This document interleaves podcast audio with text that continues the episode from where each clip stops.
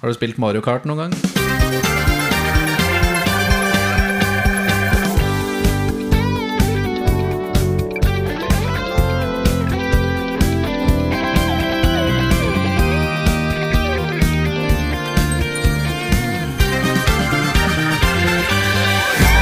Der er vi i gang. Og velkommen tilbake til en eh, ny episode med deres aller kjære Gitarpodden. Beste podden. Favorittpodden. Eh, det er helt fantastisk vær. Eh, vi, Så derfor sitter vi inne. Og derfor sitter vi inne, selvfølgelig. Men vi sitter i et bygg der hvor det kommer litt naturlig lys inn eh, utenfra. Så det er jo ganske stas. Veldig deilig. Eh, vi har tatt oss den friheten at vi har beveget oss eh, et, eh, et litt hardt steinkast. Noen klarer kanskje å kaste en stein så hardt, men eh, liksom, ja, et godt steinkast utafor Oslo og inn i gamle Buskerud. Ja. Eh, rett og slett. Og Martinius, hvorfor har vi vært så drøye at vi har gjort dette? Det er fordi vi skal, eller vi er, på besøk hos sjølveste Drumroll. Gulden Gulden Guitar Guitars. Workshop, Workshop. Gulden Guitars, ja. Gulden- Og med oss har vi selveste Erik Velo, eh, mannen bak Gulden. Velkommen. Tusen takk. Velkommen Yes. til ditt eget verksted. Velkommen til ditt eget verksted. Nei, Sykt stas at eh, du hadde lyst til å være med på programmet, eller på podden. Ja, det er veldig kult, det. Ja. Kult å bli spurt. Og Ja. Vi hadde jo en liten uh, tour her når vi kom, uh, når vi kom inn i stad. Og det er jo et uh, kjempespennende verksted å drive og kikke rundt i. ja. Med fretboard, så vi fikk se en eh, gitar som er in the making. Kult. Det er eh, altså Uansett hvor mye vi kommer til å si i løpet av denne episoden her, så kommer ikke det klare til å helt sette Eller på en måte gjøre do it justice. Hvordan det faktisk Ja. er å være selv, fordi det er så høyt nivå på ting, og det er så stort, og det er så gjennomført. Altså vi, vi koker det helt ned til det vi nevnte i stad, at uh, Erik her har jo bygd dette bygget her sjøl. Mm. Det er jo helt enestående. Det er- så dette her er ikke bare leid en ferdig, eh, et ferdig lite lokale i en bygård eller noe sånt inne i byen. Her har det blitt bygd akkurat sånn som eh, du ville ha det selv. ja. Nei, det, ble, det var planen, det. At vi skulle Så dette er jo en gård Jeg vokste opp på den gården her, og, og Ja. Vi starta innerst i en garasje. Så hadde vi et stort jorde og i forbindelse med Kunstgalleriet, som uh, faren min driver på stedet her. Ja, Det som er rett bak i Det som er rett ved siden av, ja. Så um, da ble det liksom naturlig når jeg skulle drive med gitarer, at vi uh, At jeg kunne ja, kunst og gitarer. Og da, etter å ha holdt på et par år innerst i en garasje, da, så eh, Det var et, et rom på kanskje 20 kvadrat. Mm. Så fant vi ut at vi bare ville kline til å bygge et bygg som var dedikert til gitarverksted. Det er kult. Og ja, det, når var det? Det må ha vært i 2000 og, rundt 2009, kanskje? Vi bygde dette her. Ja, det er såpass lenge siden. ja. Ja, jeg lurer på det. Jeg, er ikke helt sikker på årstallet. 2009 tror jeg er ganske riktig. 2010, kanskje? Ja. Nei, det skulle ikke Kanskje- forundre, for jeg husker um, Jeg husker jo fattern, som har vært på besøk innom her de fra noen tidligere ganger. og sånt Han hadde jo lest om det verkstedet her i Drammens Tidende. Ja, ja. ja. Det har liksom vært featura i avis og sånt for mange Ja. år siden. Jeg husker allerede da jeg begynte på videregående i 2010. Ja, 2010-11, et eller annet sted. Ja. Ja. Da var det en kar da som eh, er fra Mjøndalen. Mm. Som har en eh, far som også er sånn gitarsnekrer sjøl, eller fikser og styrer og ordner mye på ting. Snakka allerede om, da, om eh, denne karakteren eh, ute på eh, Steinberg som har en av Nordens eneste plekkmaskiner. ja. Og det var sånn Oi, shit, hvem er dette her? Og det tok faktisk godt over ja, ti år cirka før jeg faktisk fant veien hit. Ikke sant? det er veldig moro å ja. se det, liksom. Men da har du jo holdt på en stund, da. Det er gøy. Ja, jeg begynte for meg sjøl i 2007. Ja. Det var samme året som første dattera mi ble født. Så da Ja. bare slutta jeg fast jobb. Og da jobba jeg i det som var først OP-musikk nede i Kvadraturen i Oslo. Og som blei Musikkbørsen. Og, Ja, stemmer, stemmer. Så i 2007 så ble hun ja, som sagt første jenta mi født, og da bare kutta jeg og fant ut at jeg må bare drive for meg sjøl. Det var litt sånn merkelig timing, men eh, det, det var eh, Ja, og, og så bare bygd liksom stein på stein, klint til, og, og ja, det har bare gått. Vokst for hvert Ja. år, egentlig. Deilig. Så mm, Veldig fint å få det liksom på familiegrunn. Litt sånn rent Ja. geografisk, liksom. ja, Litt sånn poetisk eh, over det hele, og liksom ha det ja. som en del av kunstgreiene. Mm. Hele det området som er her sånn. En veldig fin gård bak, bakover her. Ja, Vi må nesten ta en tur og se etterpå. Ja, vi får sett det etterpå. Ja. Vi så litt når vi var på veien her, at det var noen, ja, flere bygninger bak der. Ja. ja. Nei, så det er mye som skjer her, altså. Det er det. Um, så ja, vi bygde gitarverksted. Uh, så det var stort å flytte inn i disse lokalene her. Mm. Etter en intens Det var vel et par år med bygging, tenker jeg. Ja, det var Ja. intenst, så da Der vi bygd verksted på, på dagen og holdt på med gitarer som jeg sa, som en, altså omtrent på nattestid. Altså det Ja. jobba nesten uh, Jeg følte det var mye søvn den perioden. Ja, Så hun andre hun, fikk jo et, en, et barn til i 2009. Ja. Så jeg har to døtre, og, og de har liksom vokst opp med dette her. da Mye jobbing og Mm. um, 2009, ja, så da, da var det mm, bleier og muring og snekring og gitarer, og det var helt sinnssykt. Wow. Men uh, jeg landa det òg, så det, Ja, det, det, det gikk. ja, ja. Så lenge man har liksom gnisten og driven, så det utrolig hva som går. ja. Ja, det er Så var det jo helt sant. sinnssykt å flytte inn i disse lokalene. Da. Det var jo Det er ganske god plass. I hvert fall sammenlignet med det det var. Så, ja, ja. Nå har ikke vi sett det, men uh, det har, du har klart å fylle bra opp inne på hovedverkstedet Det er ja. ja. Men med gode ting, da. Ja. Gode verktøy, Ja. gode maskiner. Alt sammen. Mm. Og Nei, herlighet. Nei, det gjenspeiles, som du sier. Den gnisten, da. Ja. Det merker man liksom at Ja, herregud. Det begynner allerede med å bygge bygningen sjøl. Herregud. Jeg klarer ikke, jeg klarer ikke å se for meg hvor mye, opp, opp, uh, hvor mye arbeid det egentlig er. Jeg tror ikke jeg klarer man skjønner det før man begynner med det selv. Ja. Kan jeg tenke meg. Det må være deilig å komme inn hit nå lenge etter at alt det er ferdig, bare vite at liksom Ja. Ja, her Ja. er det. Her står det. Her, Det det, er, er, eh, bare å snekre deretter. Ja, ja, ja. Nei, det, det var skikkelig eh, mye jobbing i den perioden der. Det har for så vidt eh, Jeg mener Det har alltid vært mye jobbing for meg. Jeg, jeg elsker å jobbe. Det er egentlig det jeg gjør. Jeg jeg tok vel egentlig sånn Det er jo en livsstil på et vis. Eh, Jeg fant vel egentlig ut at jeg bare Ja, det er mange som tenker sånn De vil skille jobb og, og privatliv. Eller, Ja. eller ikke privatliv, men mer sånn jobb og um, Fritid. Hobby eller, fritid, eller lidenskap. fritid, ikke sant? Ja, Men så for meg så jeg ville bare Faen, jeg har bare lyst til å blande alt sammen. Jeg. Jobb og fritid. Og Ja, ja, ja. hadde egentlig en, sånn, en drøm da, om å blande Altså om å drive Det er selvfølgelig å drive med hobbyen sin.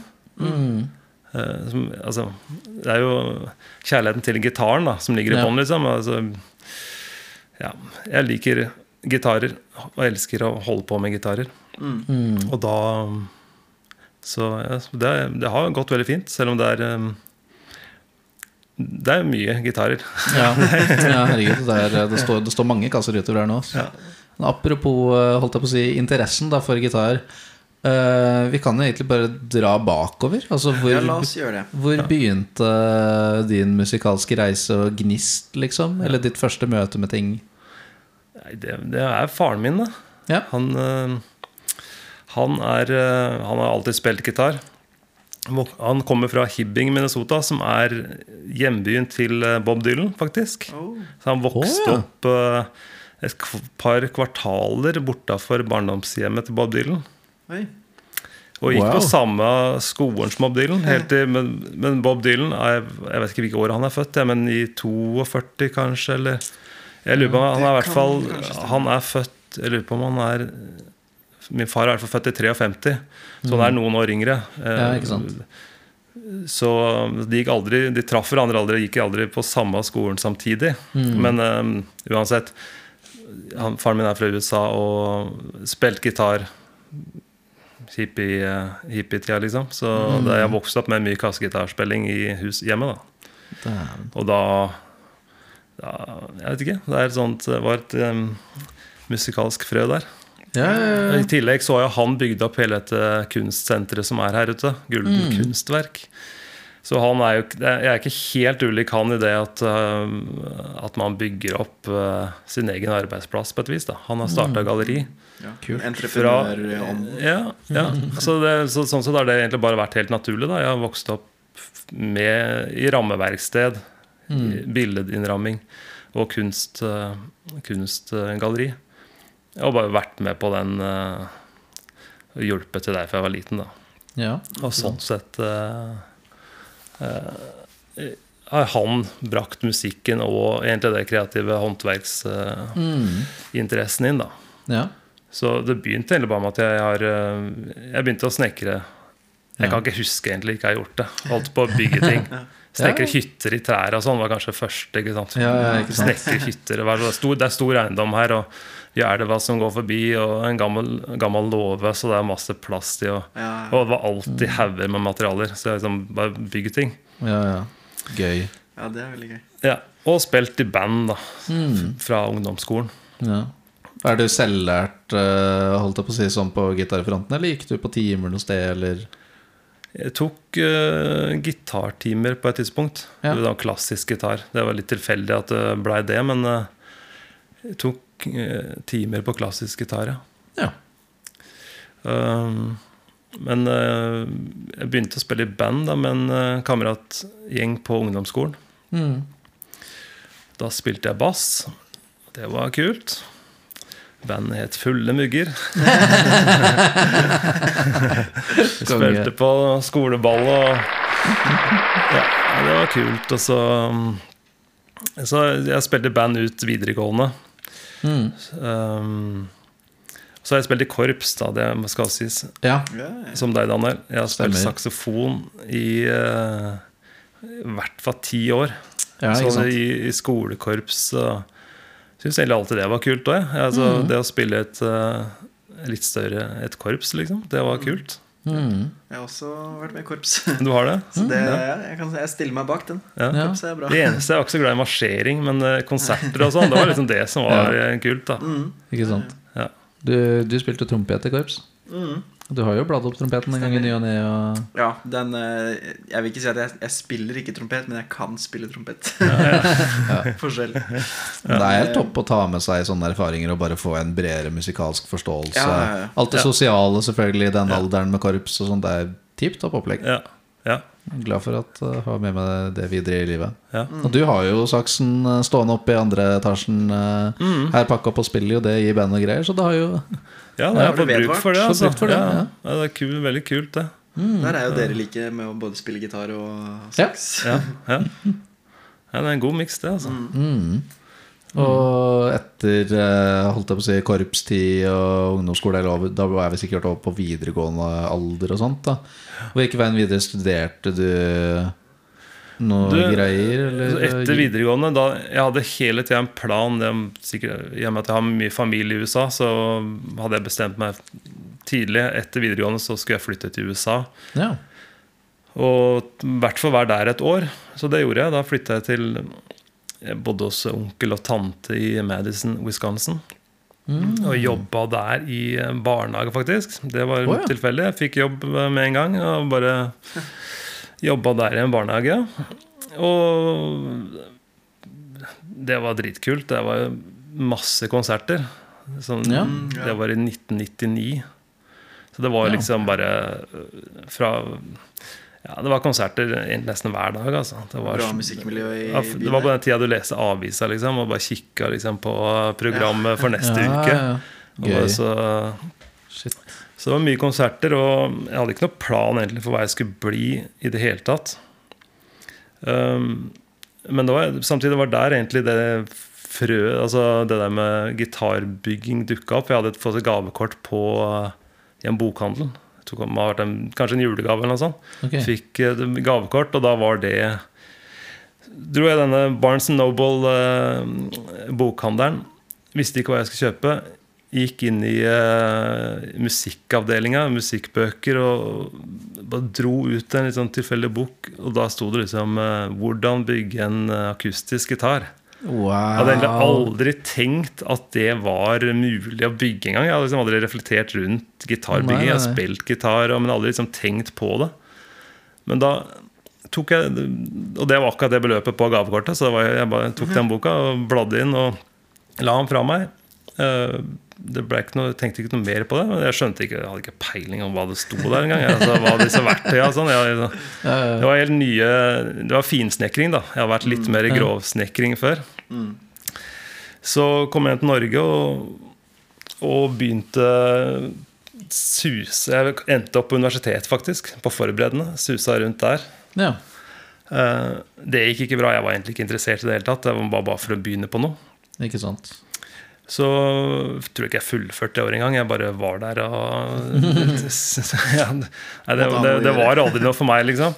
Så, men så lå den boka der. Den, den var liksom bare med meg. Og så plutselig dukka det opp Jeg vet ikke hvordan jeg kom over det, men det var den Musikkinstrumentakademiet i Moss. da så, Og da var det en gitarlinje i Norge. liksom Jeg bare wow. Det er fett, da. Og da søkte jeg, kom inn der. Og da bare Da begynte det bare å Da blei det det. Hvis du mikser liksom eh, snekring og musikk, gitar, så blir det gitarbygging. Ja. Det er så Ja, enkelt det er som det. Naturlig. Og da hadde jeg liksom den boka. Bare, shit, det var så mye sånn tilfeldigheter som bare klaffa. da Herlighet. og, og da var, det, da var jeg liksom solgt når jeg kom inn på den skolen. Og bare shit, det her er helt perfekt, liksom. Mm. Så Nei, det var kult. Ja. Hvordan var det studiet liksom funka? Bygde man liksom? Første året var litt sånn ja. generelt. Da var det mm, bare alt fra Det var sånn grunnkurs, kan du si, i tre, til tre og metallarbeid. Mm. Så vi lagde alt fra jeg tror, Vi lagde den første, den der Giss-gitaren som Øyvind Fjell hadde designa. Ja. Det var første gitaren der sånn, som var skoleoppgave.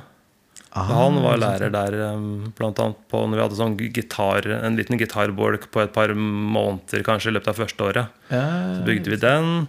Og så var det litt sånn treblåsperiode, på et, og da mm, kunne man velge. Jeg dreide en blokkfløyte. ja. Lagde blokkfløyte. Og så var det metallarbeid et par måneder. Da lagde jeg en sånn liten høvel i messing. ja. Det var sånn innføring i forskjellige deler av, Mm. av den, eh, det skolen hadde å tilby. Da. Så var det materiallære. Ja. Ja. Grunnleggende prinsipper for ja. å ta videre med egen bygging. Ja. Liksom. Ja. Ja. Så alt det, jeg syns det var helt, helt rått. Og det, det var fritt. Det var på Jeløya, så det er det fine området òg. Så um, skolen var åpen. eh, Vi kunne bare bruke skolen på kveldstid òg. Det, liksom, det var ikke mye regler. Det var bare det, Jeg kunne bare være der og holde på.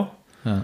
Så det var helt perfekt. Mm, det er bra. Da blir jo terskelen veldig lav for å faktisk lære mer. Og gå Ja. på skolen og bruke fasilitetene. Og, Ja, ja. Bygge ting og ting som er så hånd, håndverksmessig, eller ting som er så taktilt. Det er, liksom, Ja. det er så sykt Ja, ja. viktig å bare holde på. ja. Det er ikke så klart du kan lære Du kan lese mye fra en bok, liksom, men du, Ja. man ser jo bare hvor annerledes ting blir hvis du leser en bruksmanual med noe som er veldig sånn Ja. Håndverkrelatert, og så skal du gjøre det. Det er ikke så enkelt som det står i en bok, så det er sikkert helt fantastisk å bare kunne Hvis du får Ja. plutselig en gnist eller er nysgjerrig, eller noe sånt, og så bare prøve masse å skru og ordne og høvle og frese og holde på, liksom. Det har vært helt fantastisk. Det Høres Ja. helt konge ut.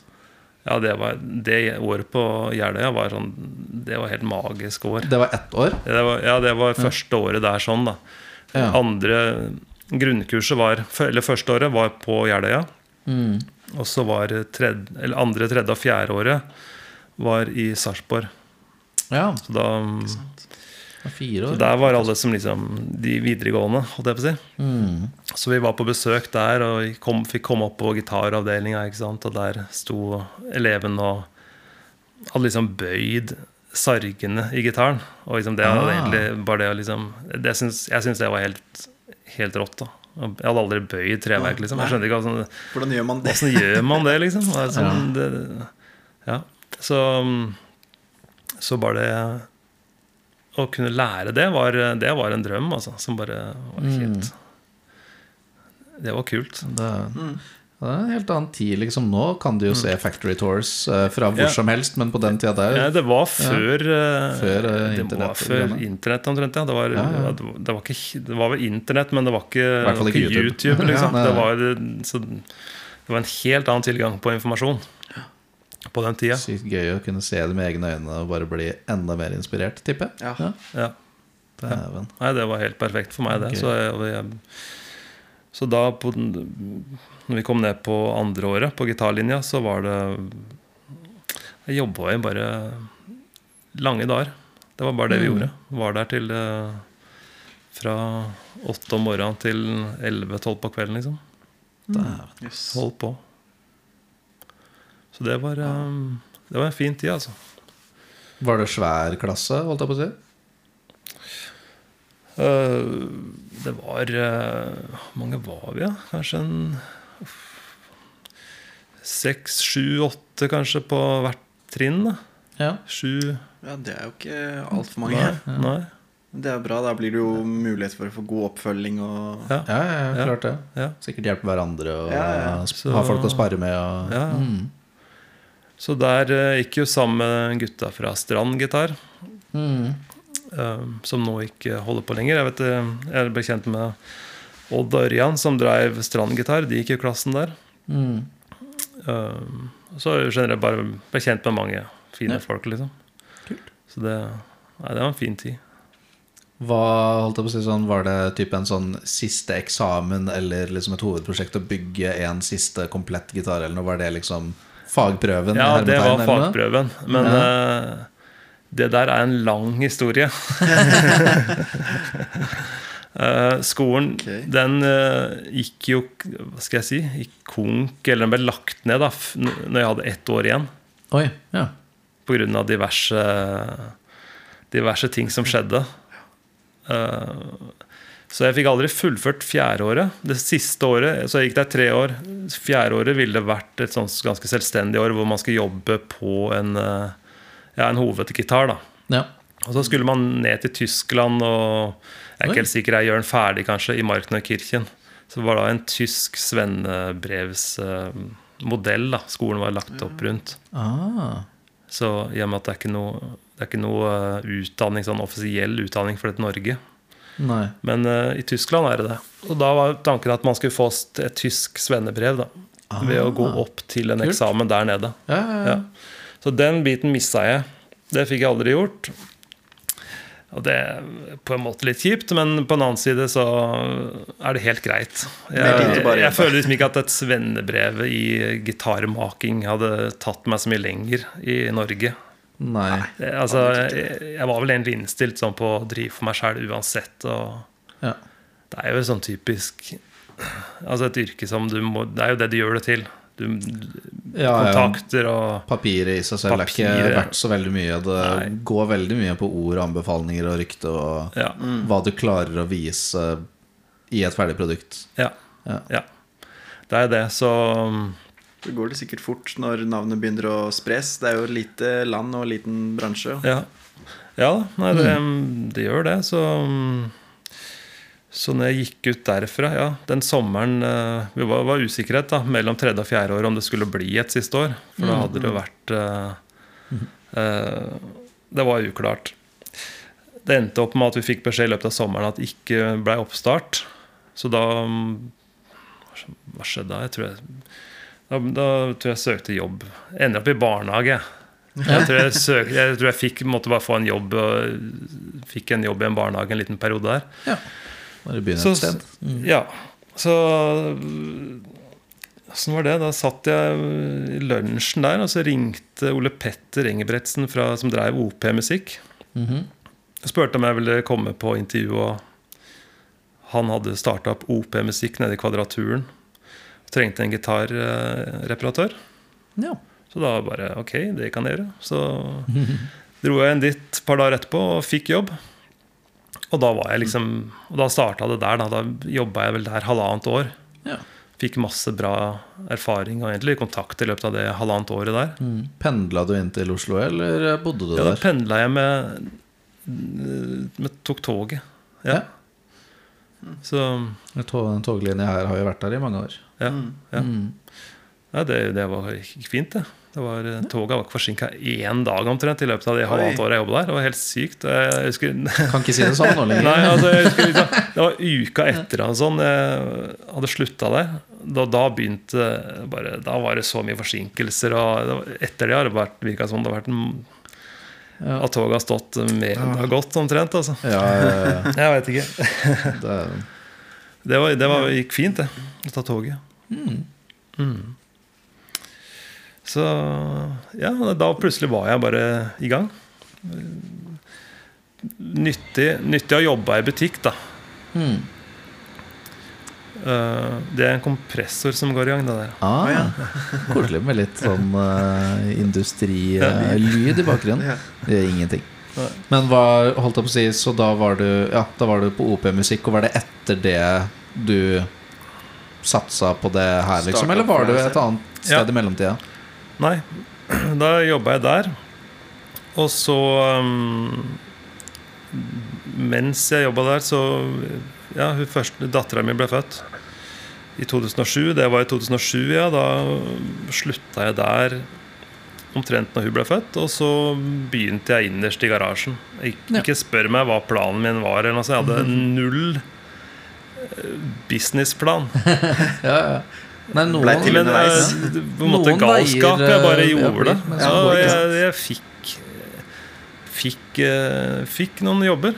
Mm. Og da, så husker jeg på et tidspunkt så Det var jo ikke romslig akkurat på den tida der. Men jeg lagde en plakat, hang opp noen plakater og bare Fikk akkurat inn en jobb, liksom. Sånn eh, neck reset. Tror jeg det tok 4000 kroner, og det var akkurat liksom regninga jeg hadde da. Ja. det var sånn, da var det ordentlig Og så bare ordna det seg.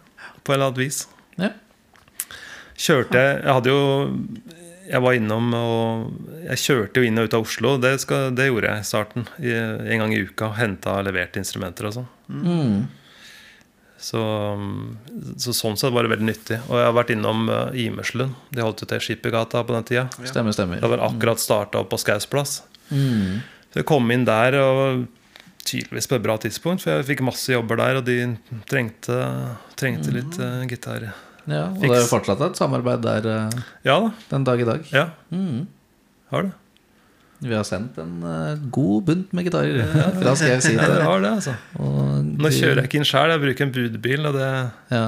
savner det å komme inn der. Altså, det, det var fin tid, det. Bare å komme inn og ta en kaffe og prate Mm. med gutta. Det er jo bare å gjøre det når som helst. ja, jeg må, jeg må Gutta er der. Tida er liksom bare sånn- Føler man har liksom ikke tid til å Ja, dra inn. Det går liksom en eh, ja, ja, ja. Det går en eh, halv dag, da. Eller, men det var veldig fint. Jeg må gjøre det igjen, altså. Det er lenge siden. Mm. Mm. Det, det, flommer jo over av gitarkasser og sånt eh, i lokalet her. Og det pleier jo alltid å være mye gitarer i kø, så du har nok å gjøre. Det, det ser vi.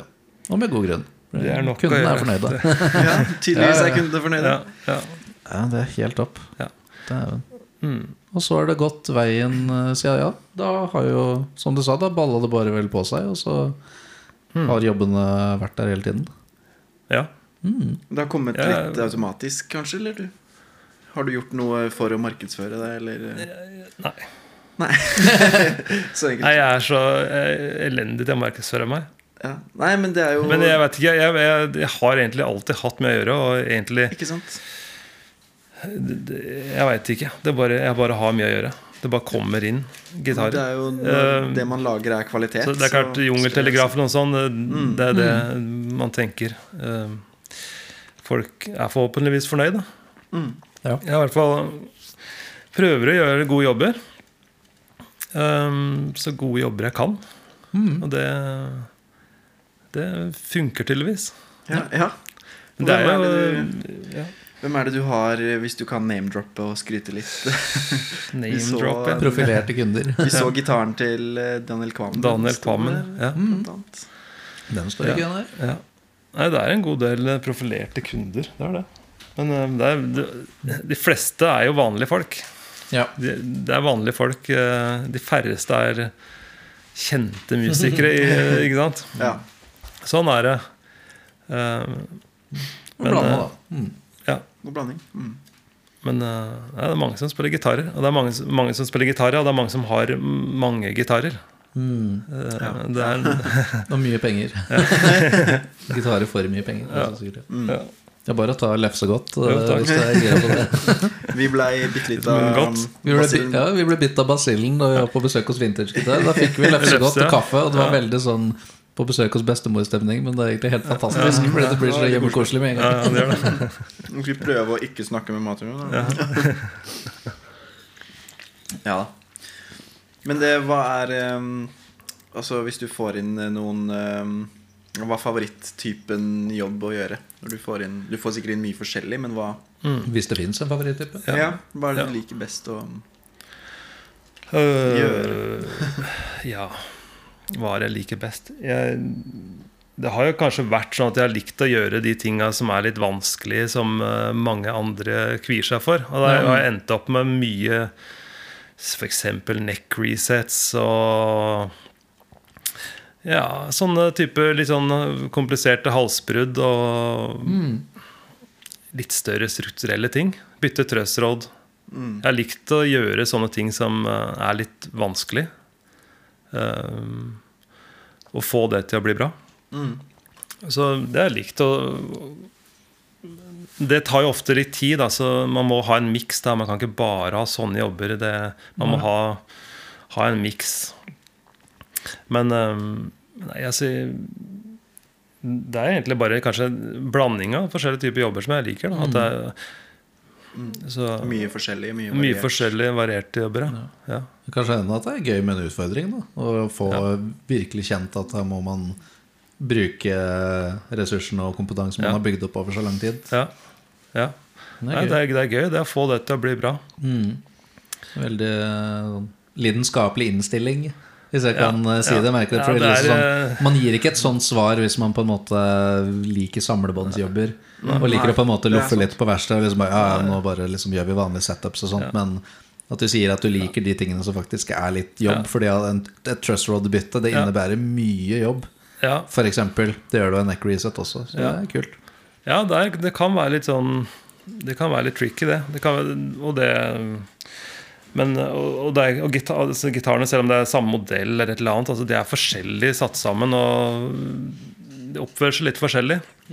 Så det er eh, det, det er det som er gøy, at det er litt hva man skal si, altså man må på en måte prøve å lande på beina. Da. Det, det er ikke alltid man eh, Skål. Skål.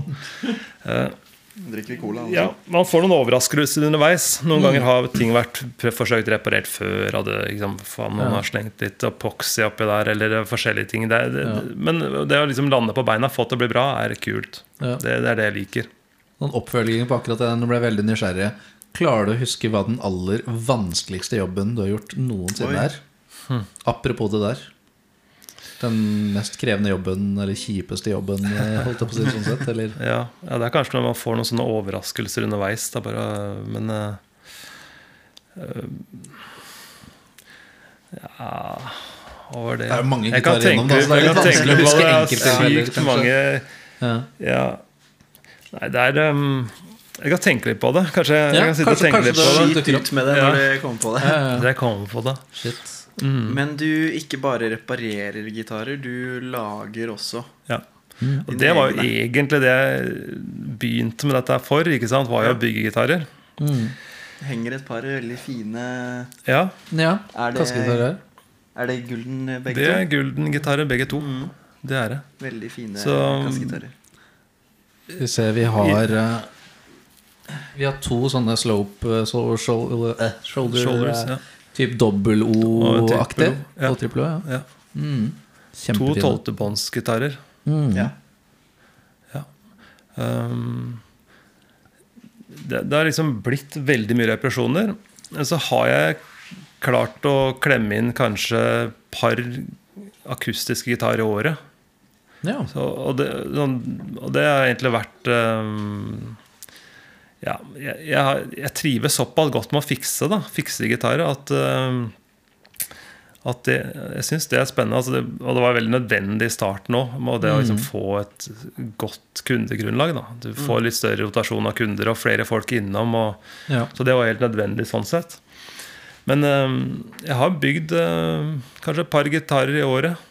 Ja. Hvor mange gitarer totalt tror du du har bygd opp gjennom hele karrieren av gitarer som har blitt solgt, liksom? Som har blitt kunder? solgt, så kanskje en 20-25 eller noe sånt. Mm.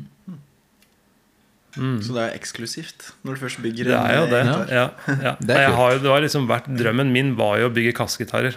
Mm. Det var egentlig aldri å bygge elgitarer. Jeg synes det, det var utfordringa i å bøye treverk. Ikke sant? Og få til å lage bra akustiske gitarer. Det var helt Mm. klart eh, drømmen min. Ja. Selv om vi så en veldig fin eh, archtop eh, på verkstedet her nå. Ja, i ja. In the making. ja, akkurat nå holder jeg på med en eh, type archtop-gitar. Mm. Litt sånn jazz, tradisjonell jazzgitar. Mm. Den legger vi bilde ut av, hvis det går fint for Erik. Ja, det må du gjøre. Det må du På, gjøre. på SoMe. Veldig Ja. kul med én neckhumbucker. Mm. Mm. Litt sånn old school Pat Metheny-vibe-aktig. Mm, ja. Og eldre enn den, selvfølgelig. Da. Ja. ja, det er veldig kult. Mm. Men det er kassegitarer eh, Det har vært det, men nå etter hvert så har liksom blitt mer eh, Gått mer og fått mer lyst til å lage elgitarer og, Mm. og sånt. Så mm, det blir mer av det framover. Eh, Ja. Det gjør det. Kult. Så ja. Det det er sånn eh, man, man, Det forandrer seg litt, da. Men å bygge kassegitar det er, det er en god del jobb, og lønnsomheten i det kan alltids diskuteres. Men jeg har heller ikke hatt det som eh, Det har egentlig bare vært eh, at man hadde lyst til å bygge bra gitarer. Mm. Da det, så lever man mer av reparasjoner, og så bygger liksom på si, da. Ja. Ja. Det, utenom.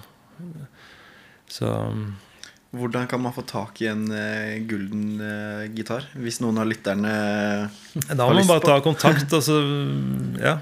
Vifte med tusenlappene. Ja. Ja, men, ja. Mm. For da legger man inn bestilling, holdt jeg på å si. Har du noen, Men, ja. et utvalg av modeller som du lager, eller bare ja, jeg har for så vidt det, men jeg, jeg kan alltids lage andre modeller òg. Men det er jo de tradisjonelle modellene, egentlig. Jeg har gjort noe, jeg har tweaka det litt, rann, altså med bracing. eh. Men i utgangspunktet så er det jo litt sånn basert på Martin-type gitarer, da. Det, Det liker vi. ja, ja, det har vært sånn Det er naturlig, det. Ja. X-bracing. Um, og, og så har jeg gjort det, og så tweaka litt på litt fasonger og litt forskjellig, men i utgangspunktet så er de ganske sånn streite. Dreadnoughts og OM-er og trippel O-er. Uh, Ja. Jumbo-størrelse også, kanskje? Eller? Jeg har ikke laget noe jumbo, faktisk, men dreadnoughts og OM, Det er trippel O de to aller mest vanlige fasongene. Det. Stort sett, kanskje. Ja. Med det. bold. Med og uten Cataway. Ja. ja. Mm. Kult. Mm. Altså, ja, apropos kassegitar og sånt. Det har jeg egentlig lurt på de andre gangene jeg har vært der også. Det er noen sånne certificate-greier. Ja. Det står Taylor på. Eh, ramma inn på noen sånne bilder på veggen her. Ja. Eh, ja. Hva er det for noe? Nei, jeg ble kontakta Jeg ble eh, kontakta av Taylor på et tidspunkt. Uh, Ryktegård? Ja. Når var det? 2015? 2013, eller nei, kanskje før det. 2011. Jeg har vært i Amsterdam på, på den eh, På Stedems i, i Nederland. De har ja. en europavase der. Ja, ikke sant. Eh, så var der nede på litt sånn kursing på hvordan de gjør ting i forhold til servicer og ja, Så da har jeg blitt sånn eh, sertifisert Taylor-reparatør. Ah, Oi. ja. Det Det var noe sånt jeg antok at det på en Ja. måte var, men jeg ville spørre før jeg Ja. antok noe. Ja. Det er gøy. Det er det kult, det. første, første gjesten vi har som er sertifisert Ja, Taylor. sertifisert. Ja, ja. En applaus for det. Ja. Det er stas. De, har jo, de har jo en helt egen, et helt eget mindset om gitar og sånt, i hvert fall av det vi har sett. Vi gjorde en Taylor-spesialepisode også en gang i tida. og Vi gjorde det. Litt mer sånn modernisert eh, kassegitarbygging i forhold til Og Martin, som er litt mer sånn Og bærekraftig. Ja. forhold til Martin, som er litt mer sånn opptatt av at det skal være old school. Ja, Så virker Taylor alltid litt mer sånn forholdsvis fremoverlent. Selv om selvfølgelig kassegitar er jo et Det er jo et retroprodukt Ja. samtidig. Ja. ja, det var kult. eh, Altså, de hadde noen, eh, noen Spesielt én sånn reparatør Han som hadde det kurset for, eh, for de som var der. Veldig flink og veldig kult å lære og se liksom hvordan de fikser, eh, fikser ting. Det, det var veldig kult å se. Veldig flinke. Eh, Så driver de med UV-lakk og sånn, så jeg var inne på det. Jeg, brukte, jeg kjøpte UV-utstyr og sånn for å kunne gjøre visse jobber med. UV-lakk. Så det Det var nyttig, det. Morsomt å, morsomt å lære. Mm. Mm. Fordi UV UV-lakk Jeg vet at de har drevet med det, men jeg kan ikke sånn kjempe om det, fordi det er ikke poly, og det er ikke nitro. Nei. UV er en sånn egen lakkpatent de driver med. Ja, Og så Ja. herder de med UV-lys. Ja. Ja, så det herder veldig fort, så de kan liksom lakkere og, og herde det i løpet av minutter. da Mm. Så jeg, jeg dreiv med det en periode, og så fant jeg vel ut etter hvert at uh, det var ikke så kult allikevel. Eller Ja. det var andre metoder som funka. Men jeg har alltid vært nysgjerrig på å finne, prøve nye metoder. da Prøve, Ja. Finne nye metoder å gjøre ting på. Bruker du nitrolakk og sånt i uh, produksjonen selv, eller er det mest sånn poly? Jeg bruker, jeg bruker ikke poly. Jeg, bruker, eh, jeg har brukt, og jeg bruker noe nitro. Mm. Og så bruker jeg uh, noe som heter sånn syreherdende lakk. Aha. Som er en uh, annen type lakk som um, er veldig fin å bruke. Mm. Mm. Ligner veldig på nitro, egentlig.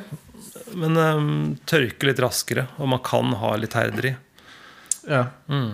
Men litt mer robust. Sprekker ikke like enkelt. ja, eller, eh, ja, noe sånt òg. ja. Ja. Det er det som er litt av magien med nitro når det er så tynt at det ikke rakker Ja. Ja. Men det er ikke alltid det mest praktiske. Nei, Det kommer litt an på hva man skal gjøre, sikkert. ja. Ja. Det er bare fint å ha flere muligheter, Ja, ja, så man kan matche til jobben man gjør. da Mm. Ikke sant? Så nei, det har vært en del av prosessen. Det er bare å utvikle hele verkstedet og metoder og skaffe seg utstyr og, Ja, det og, og prøve ting. Altså det, det er kanskje noe av det jeg liker aller mest, er å bare prøve nye metoder, finne nye metoder. Mm. eh, teste. Det er litt som med musikere òg. At man Ja. kjøper, tester, forsterkere, bokser, Mm. effekter.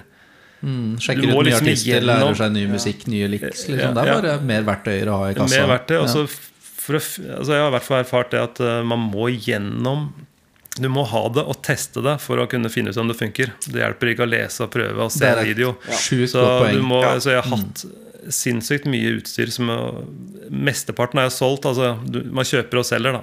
Mm. Men plutselig så finner du et eller annet som bare Å, shit, det her gjør den jobben så mye bedre. Ja, ja. Plutselig så er det Så bare, wow. en kjempesentral del av Ja. det man driver med, liksom. Ja.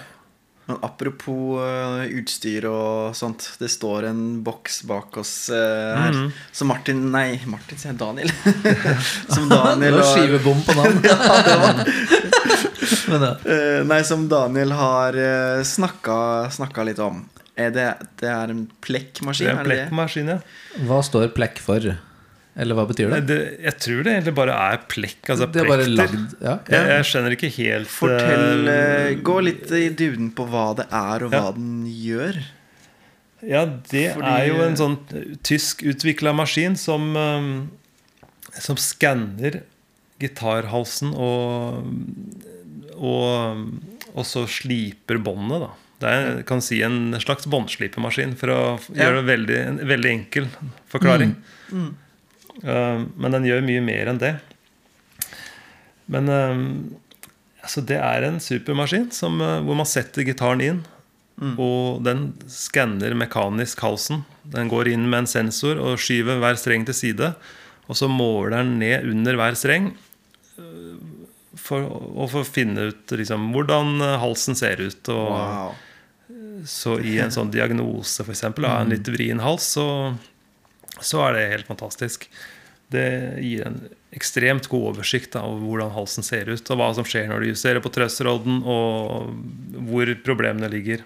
Så bygger du en 3D-modell visuelt i et Ja. program, gjør den ikke også? Ja, ja, av hvordan det. halsen Så- ser ut? Så når, etter at han har skanna instrumentet, så kommer det opp grafer eh, med masse informasjon.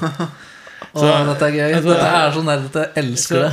Å investere i den var liksom et, selvfølgelig et stort skritt, men jeg følte egentlig at jeg hadde ikke noe valg. Jeg bare, Det der er, er jo en maskin og sånn utstyr, litt sånn utstyrsnerd på Jeg har kjøpt masse, masse utstyr, og, som jeg nevnte i stad.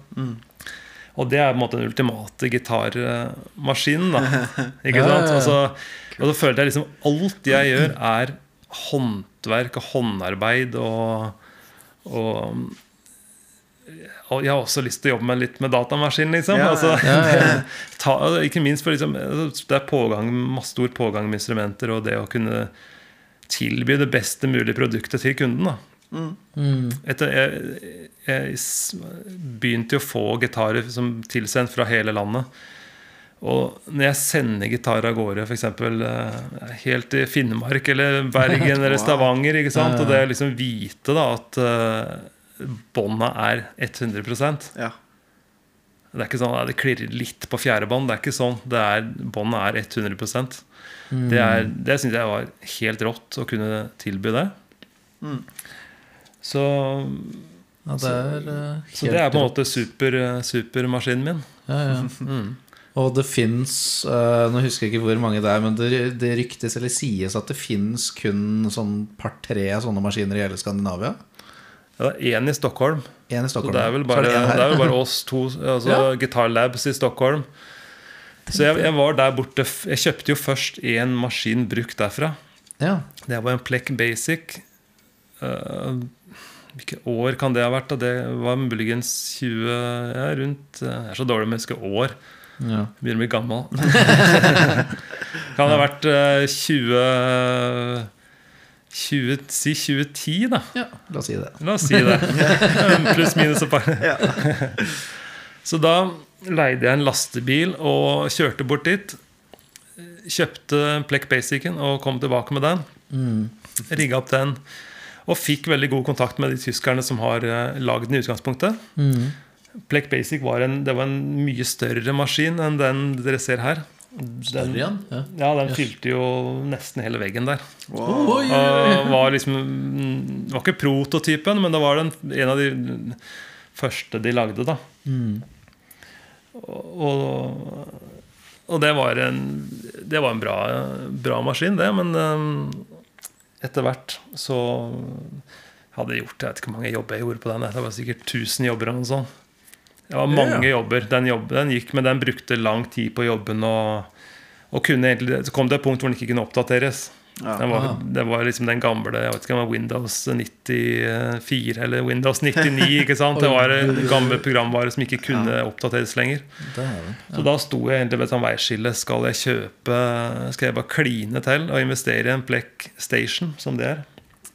Eh, Jeg følte, da følte jeg ikke hadde noe valg. Jeg måtte bare gjøre det. Så, Let's så de det har fått bra, veldig bra inntrykk av de tyskerne og blitt kjent med dem. Så de jeg bestilte den, og halvt år etterpå så kom den der. Klissny? Kliss ny? levert på- Kliss ny ble levert på døra. Oh. Så kom det en tysker opp det gøy. en uke etterpå. Eller noen par dager etterpå og fikk montert den. Og, Klart det. ja. Ja, når dere, sånn som dere hører, i og med at det fins to stykker av de i hvert fall i Skandinavia, så dette her er ikke på ingen Barnemat. måte hverdagskost. Så det er ikke rart de, de kommer med så tett oppfølging når det er superprofesjonalisert utstyr, liksom. Mm. Det er jo så uh, yrkesspesifikt som det kan få blitt. Ja, det kan du si. Nei, da kom faktisk han som hadde, som, han som hadde designa maskinen. Selve professoren og hjernen bak. Oi, det må jo ha vært sjukt Gert eh, Anke. gøy å ha han på besøk, da. Ja, det var veldig kult. Det er det Så For dere som ikke vet dette, så bruker jo f.eks. Gibson et par andre store fabrikanter der ute. De plekker gitarer mm, på fabrikkene sine. Ja. Så, og det er ofte da også i markedsføringa, liksom. Ja, ja. Gitarer som man ser liksom har vært plekt, ja. som det heter. Da veit du at, sånn som de sier, da, at det blir 100% fordi det går langt forbi hva man klarer å se med det nakne øyet, eller eh, måle opp med gamle, tradisjonelle verktøy. Liksom. Det er en maskin som gjør det, med noe laser Ja. og litt sånt, eller? ja Rett og slett. den, Det er helt rått. ja. Den uh, Litt mer praktisk størrelse på den, da. Denne her er jo liksom Veldig som en fin eh, størrelse på den. Den ser ut som en krysning av en slags eh, telefonkiosk og en sånn uh, Og glasseisen fra Charlie Sjokolade. Ja, ja, nettopp. Litt sånn. Mm. Gøy. Må ha Ja. kosta en formue, tipper jeg. Ja, jeg måtte bare prate, ta en god prat med banken. Ja. Shit. Ja. Men hvordan ble denne frakta? Måtte de ha den i en lastebil som må kjøre den fra Tyskland hit? Eller Jeg tror den kom med skjenkere fra Tyskland. skjenkere? Ja, De kjørte den opp. ikke sant? Så Dæven, lurer på hva en sånn maskin veier. Og i hvert fall hva den forrige veide. Den, eh, hvis den fylte opp hele veggen, den må ha veid mange mange, mange hundre kilo. Ja, den var bygd på en jernramme som veide sikkert eh, fem og et halvt tonn. Det var sinnssykt eh, svære greier. Herregud. Rått. Godt å få skalert ned, da. Ja, ja da. Så den der er Den er helt super, den. altså Mm. Og når anskaffa du denne her, sa du igjen? Jeg tror jeg fikk den i 20 Skal vi se 20, Den fikk jeg i 2018. Ja. Det er ikke sånn superlenge er siden. lenge siden. Ja. Det er jo bare I og med at eh, vi har to år som egentlig ikke har skjedd, 20, fra 2020 til 2022, så er det jo så å si bare et par år siden. Ja. Ja, ja, faktisk. Hvis man ikke regner med det. Og holdt jeg på å si, men den uh, maskinen vil jeg regne med har jo programmert inn settings for alle mulige kombinasjoner av skalalengder, radiuser osv. osv. osv. Ja. Det er sikkert ikke noen parametere den ikke har inne. Nei, den, eh, den er veldig fleksibel og kan ta det aller meste av gitarer. Eh, Gitar og basser, mandoliner, ting i andre størrelser også? Eller er det hovedsakelig gitar og basser? Eller? mandoliner er jeg ikke så sikker på, men den kan ta i hvert fall eh, Kan ta banjoer og alle gitarer og basser. Ja. Jeg lurer på hva en ekte hillbilly vil synes om at du plekker en banjoen. Det er liksom eh, To verdener møtes. Ja, eh. Gøy. Ja det, er, det er rått. Men hvor ofte bruker du den eh, maskinen der, da? Nei, Den går stort sett hver dag, den. Den gjør det? Hver dag? Ja, ja. Yes. det gjør den. kult. Er det vanskelig vedlikehold og sånt på det? Er det ting som liksom oljes og strammes Hadde til? jeg en Eller? eh, service på nå for et par, en, en par måneder siden. Mm. Men da har jeg hatt den i fem år. Og da han sa det var Det var ikke mye som måtte gjøres, men det er snakk om eh, olje og Ja. Eh, noen akser. Forskjellige Ja. ja, bevegelige deler. Var det Stramme også da en tysker og- som kom ja. reisende for å gjøre Ja, det er service? samme fyren han, oh, ja. ja, Yes. som kom opp. Så vi er blitt godt kjent. Og jeg skal ned dit i uh, mai og besøke dem. Så det gleder jeg meg til. Så sykt kult. I Berlin. Så det er Ta med deg ny Ah. maskin hjem. Kanskje de har kommet med sånn pocketplekk? Pocket-plekket. Sykt Gøy. stas. Det er noen Nei, ja. flere maskiner her også. Den grønne baki Ja. der. Den, har- Den er litt uh, artig. Det er jo en uh, Meteor 30 301. En uh, pickup viklemaskin. ja. Faktisk samme som Gibson brukte på, for å vikle de første paffene sine. Så det, det er er, kult. Det er en veldig kul maskin. Den, den fant jeg på Finn. Jeg har jo tråla Finn. De første åra var jeg på Finn eh, mange ganger om dagen. ja. Ja, ja, ja, klart. Men den dukka opp på et sånn nøkkelverksted inne i Asker. Så alle steder. jeg bare ok, den ser interessant ut. Så fikk jeg den for en god pris, og da viste det seg at det var eh, en uh, sveitsisk bygd uh, maskin som Gibson også har brukt. da Så det var, det var kult. Wow. Og den spinner Den, kan man, den vikler man pickuper på. Ja. Mm. Så her står det kobla opp med kobbertråd og full pakke. ja. Så det er også Klart å vikle. Ja. Det vikler en del pickuper. Det er sånn spesielt rewinds da, på gamle instrumenter hvor pickupen er eh, av en eller annen grunn ikke virker. Mm. Så det er, eh, det er morsomt. Og så tenker jeg også, liksom de gitarene jeg bygger sjøl, elektriske, vil jeg vikle pickupene til selv. da, i Klart det. Det er ekstra grad. kult det når man Ja, først er i gang. Ja. Det er gøy. Kjempekult. Ja, det tilfører jo det tilfører noe helt ekstra når du lager pickups fra Ja, bånn, og syns når det. alt er, Ja, jeg alt er lagd sjøl. ja, ja. Ja. Så jeg har litt planer for det. Men øh, det er litt det med tida, da. Eh, Man Ja, klart. rekker ikke alt. ekspandere Ja. businessen. Ja, det Man skulle hatt flere hender. Ja, ja. Ja. Men da har de jo liksom Ja, fordi nå er det jo Det er jo presser her, det er uh, Det er emner både til gripebrett og til halser og til uh, alt mulig rart. Treblokker, pickup-viklemaskin, plekkmaskin, uh, en fresemaskin som sto der inne, lakkverksted. Altså er jo, du har jo en he hele liksom produksjonsprosessen Ja, for både akk og elgitar i samme bygning. Ja. Det er det nærmere ikke mange som har her til lands, tror jeg. Nei. Det tror jeg virkelig ikke. Nei, det Nei. ikke det, altså. I et bygg du har lagd sjøl. Applaus igjen for den der. Det er bare enestående. Det er eh, noe å være ordentlig stolt av. Ja, det er det. Absolutt. Herlighet. Det er så gøy. Virkelig. Man får lyst til å eh, få spekka eller bygd en egen Gulden-gitar. man, får, man gjør jo det når man hører liksom om, eh, om mulighetene som er der. Ja. Jeg har litt planer. Jeg har alliert meg med en, øh, en fyr nå. Jørgen Nøvik, som har vært her. Og vi har holdt på litt sammen og har litt planer om å bygge litt sammen. Da. Jeg, jeg ser jo det at jeg har veldig mye utstyr og rekker egentlig alt sjøl. Så på en eller annen måte så må jeg Det er rom for å ekspandere, men det har kanskje vært det som er litt, det er litt utfordrende nå. Jeg er, litt, jeg er veldig sånn, jeg liker å gjøre ting sjæl. Ja. Eh, Så det å drive sånn som jeg gjør, hvor man egentlig gjør alt sjæl, så er det uh, Ja, det er uh, man, man, eh, man, må, man må godt eh, få litt eh, Det har vært fint å ha vært flere, egentlig. da Altså Nå har jeg alliert meg med han, men eh, nei, er, man må liksom ha en miks av egenskaper for å kunne drive. Og Ja. akkurat den derre å delegere bort til andre har ikke vært det jeg har vært best til. Jeg liker å gjøre det sjæl. Ja.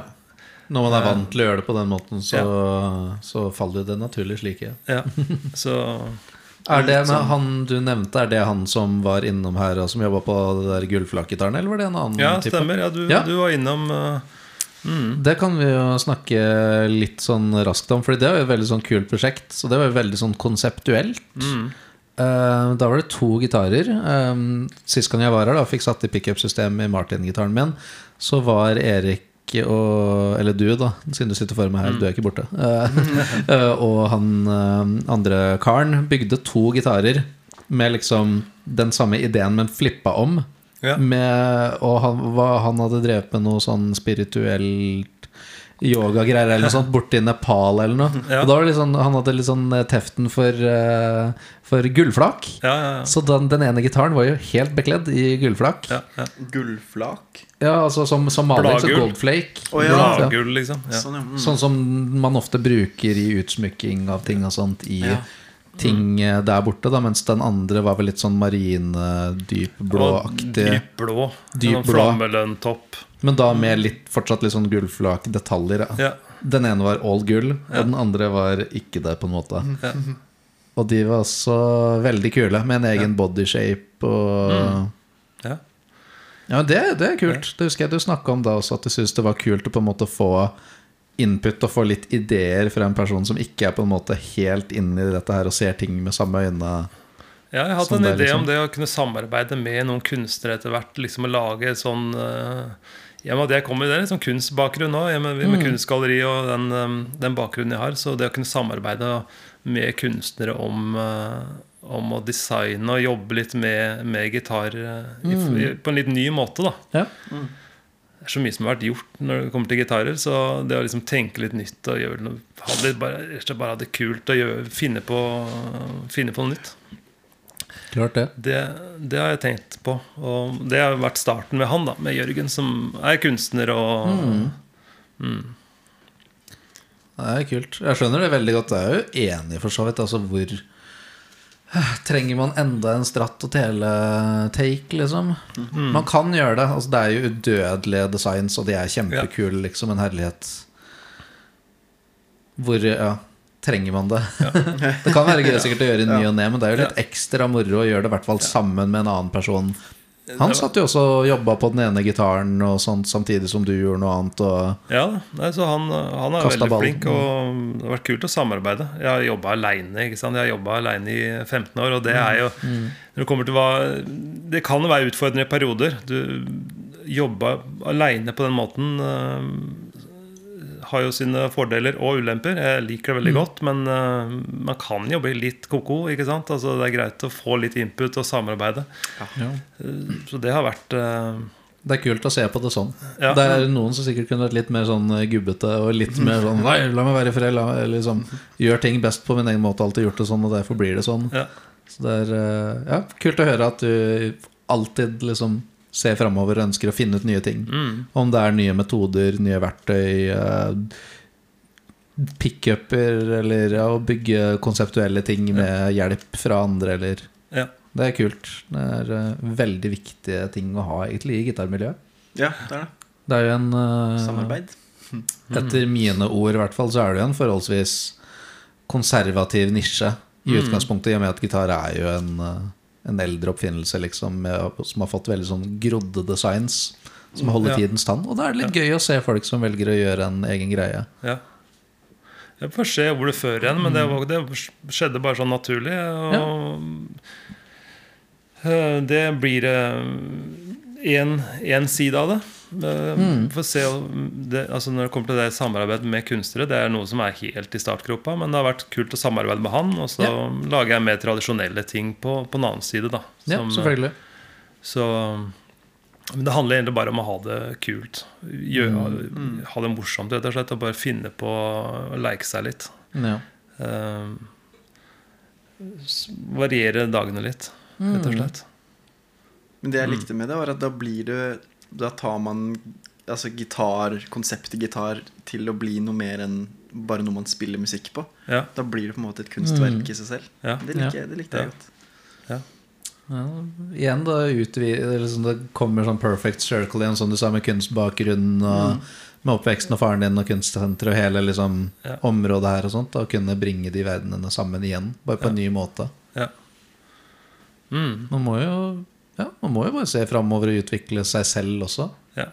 Jeg synes Det handler om å gjøre det så det er interessant øh, for en selv. Og at man mm, altså jeg, finne ut nye ting. Finne, lære nye ting. Og, og det å samarbeide med andre har vært en veldig sånn Det lærer man veldig mye av.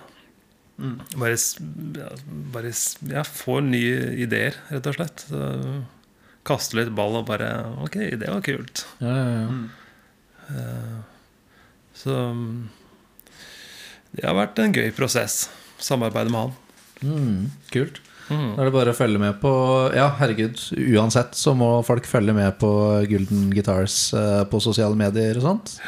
Og bare se opp, fordi plutselig vet du, så lanseres det bilder, og så får man se disse kule konseptuelle kreasjonene og sånt. Det er bare Ja. å holde øye oppe for ting som skjer.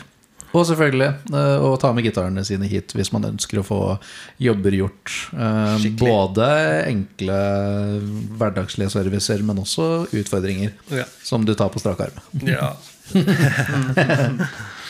Det er gøy.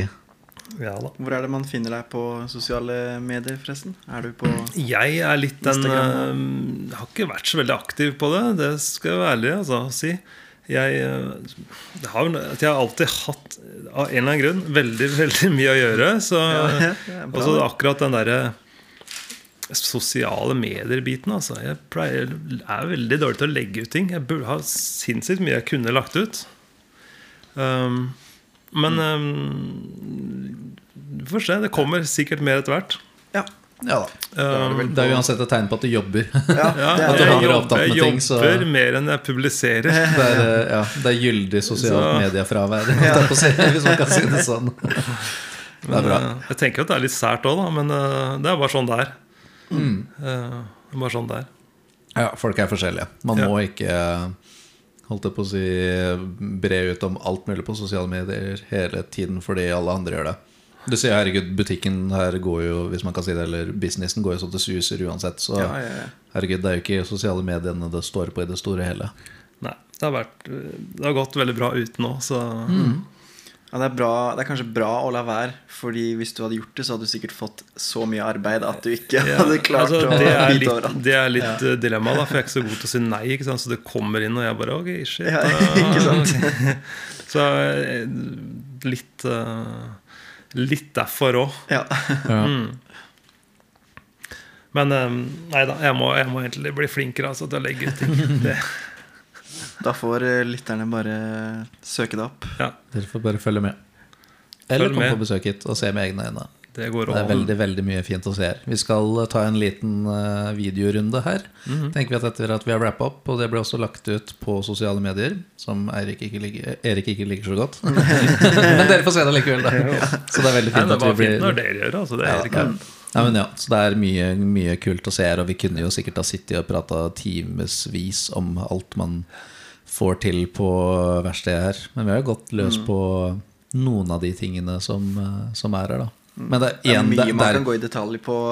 men herlighet, når jeg sier bare kom hit fordi det er, det er noe helt eget, og bare parkere på utsiden her og se den sykt kule egenbygde bygningen som er litt sånn Med gitarvindu med strengene foran. med strengene Ja, ja, ja. foran og full pakke. Det er, det er skikkelig blikkfang. Det er veldig sånn opplevelse å komme hit.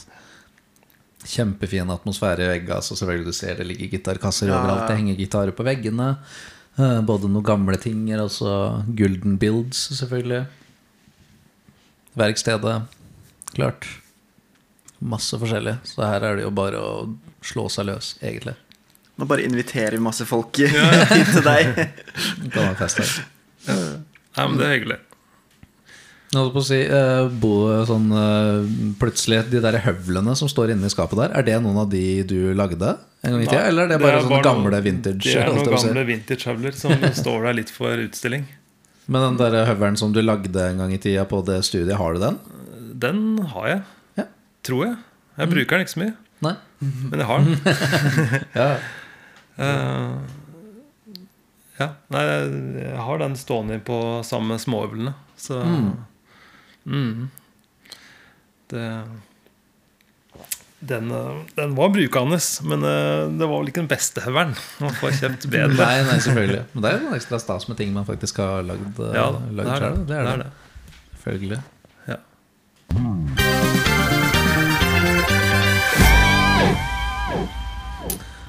Og med det så eh, kommer vi naturlig til en slags eh, slutt for besøket. Det kom dit i dag også. Ja, faktisk. Mot all formodning. Nei da. Nei, men herregud, vi skal oppleve å se mer. Nå skal vi jo snart gå løs på Åh, Beklager, det var litt mye lefsegodt og cola. Gasse litt her. Men eh, ja. Nei, vi skal eh, gå videre og se litt grann på selve verkstedet og filme litt og sånt, og det blir veldig moro. Håper det, altså hvis ikke det gir folk lyst til å komme hit eh, med gitarene sine og sånt, så vet ikke jeg, fordi dette er et av de kuleste gitarrelaterte byggene jeg har vært i i hele mitt liv. Ja, så det blir veldig kult. Veldig gøy. Alltid gira på en tur til. Og i hvert fall tusen hjertelig takk for eh, besøket til eh, Erik her. Tusen takk for at du kom. Det var skikkelig kult. Ja. Kjempekult å høre om din, eh, din upbringing med snekring og med Vi sitter borte i USA, alt fra å finne den, der, den gitarbyggerboka med Ja, det gavekortet og sånt. Det er bare så sykt sånn hvordan ting har falt Ja, på plass. Falt på plass på en merkelig måte. Og plutselig er vi her. Og her sitter vi. Et av Norges feteste gitarverksteder. Det er helt rått. Nei, igjen, tusen hjertelig takk. Så kommer vi til å bevege oss eh, videre. Så ses vi igjen eh, ved neste episode. Det, ja, Så- sier det bare sånn. Kos dere i mellomtida. Snakkes.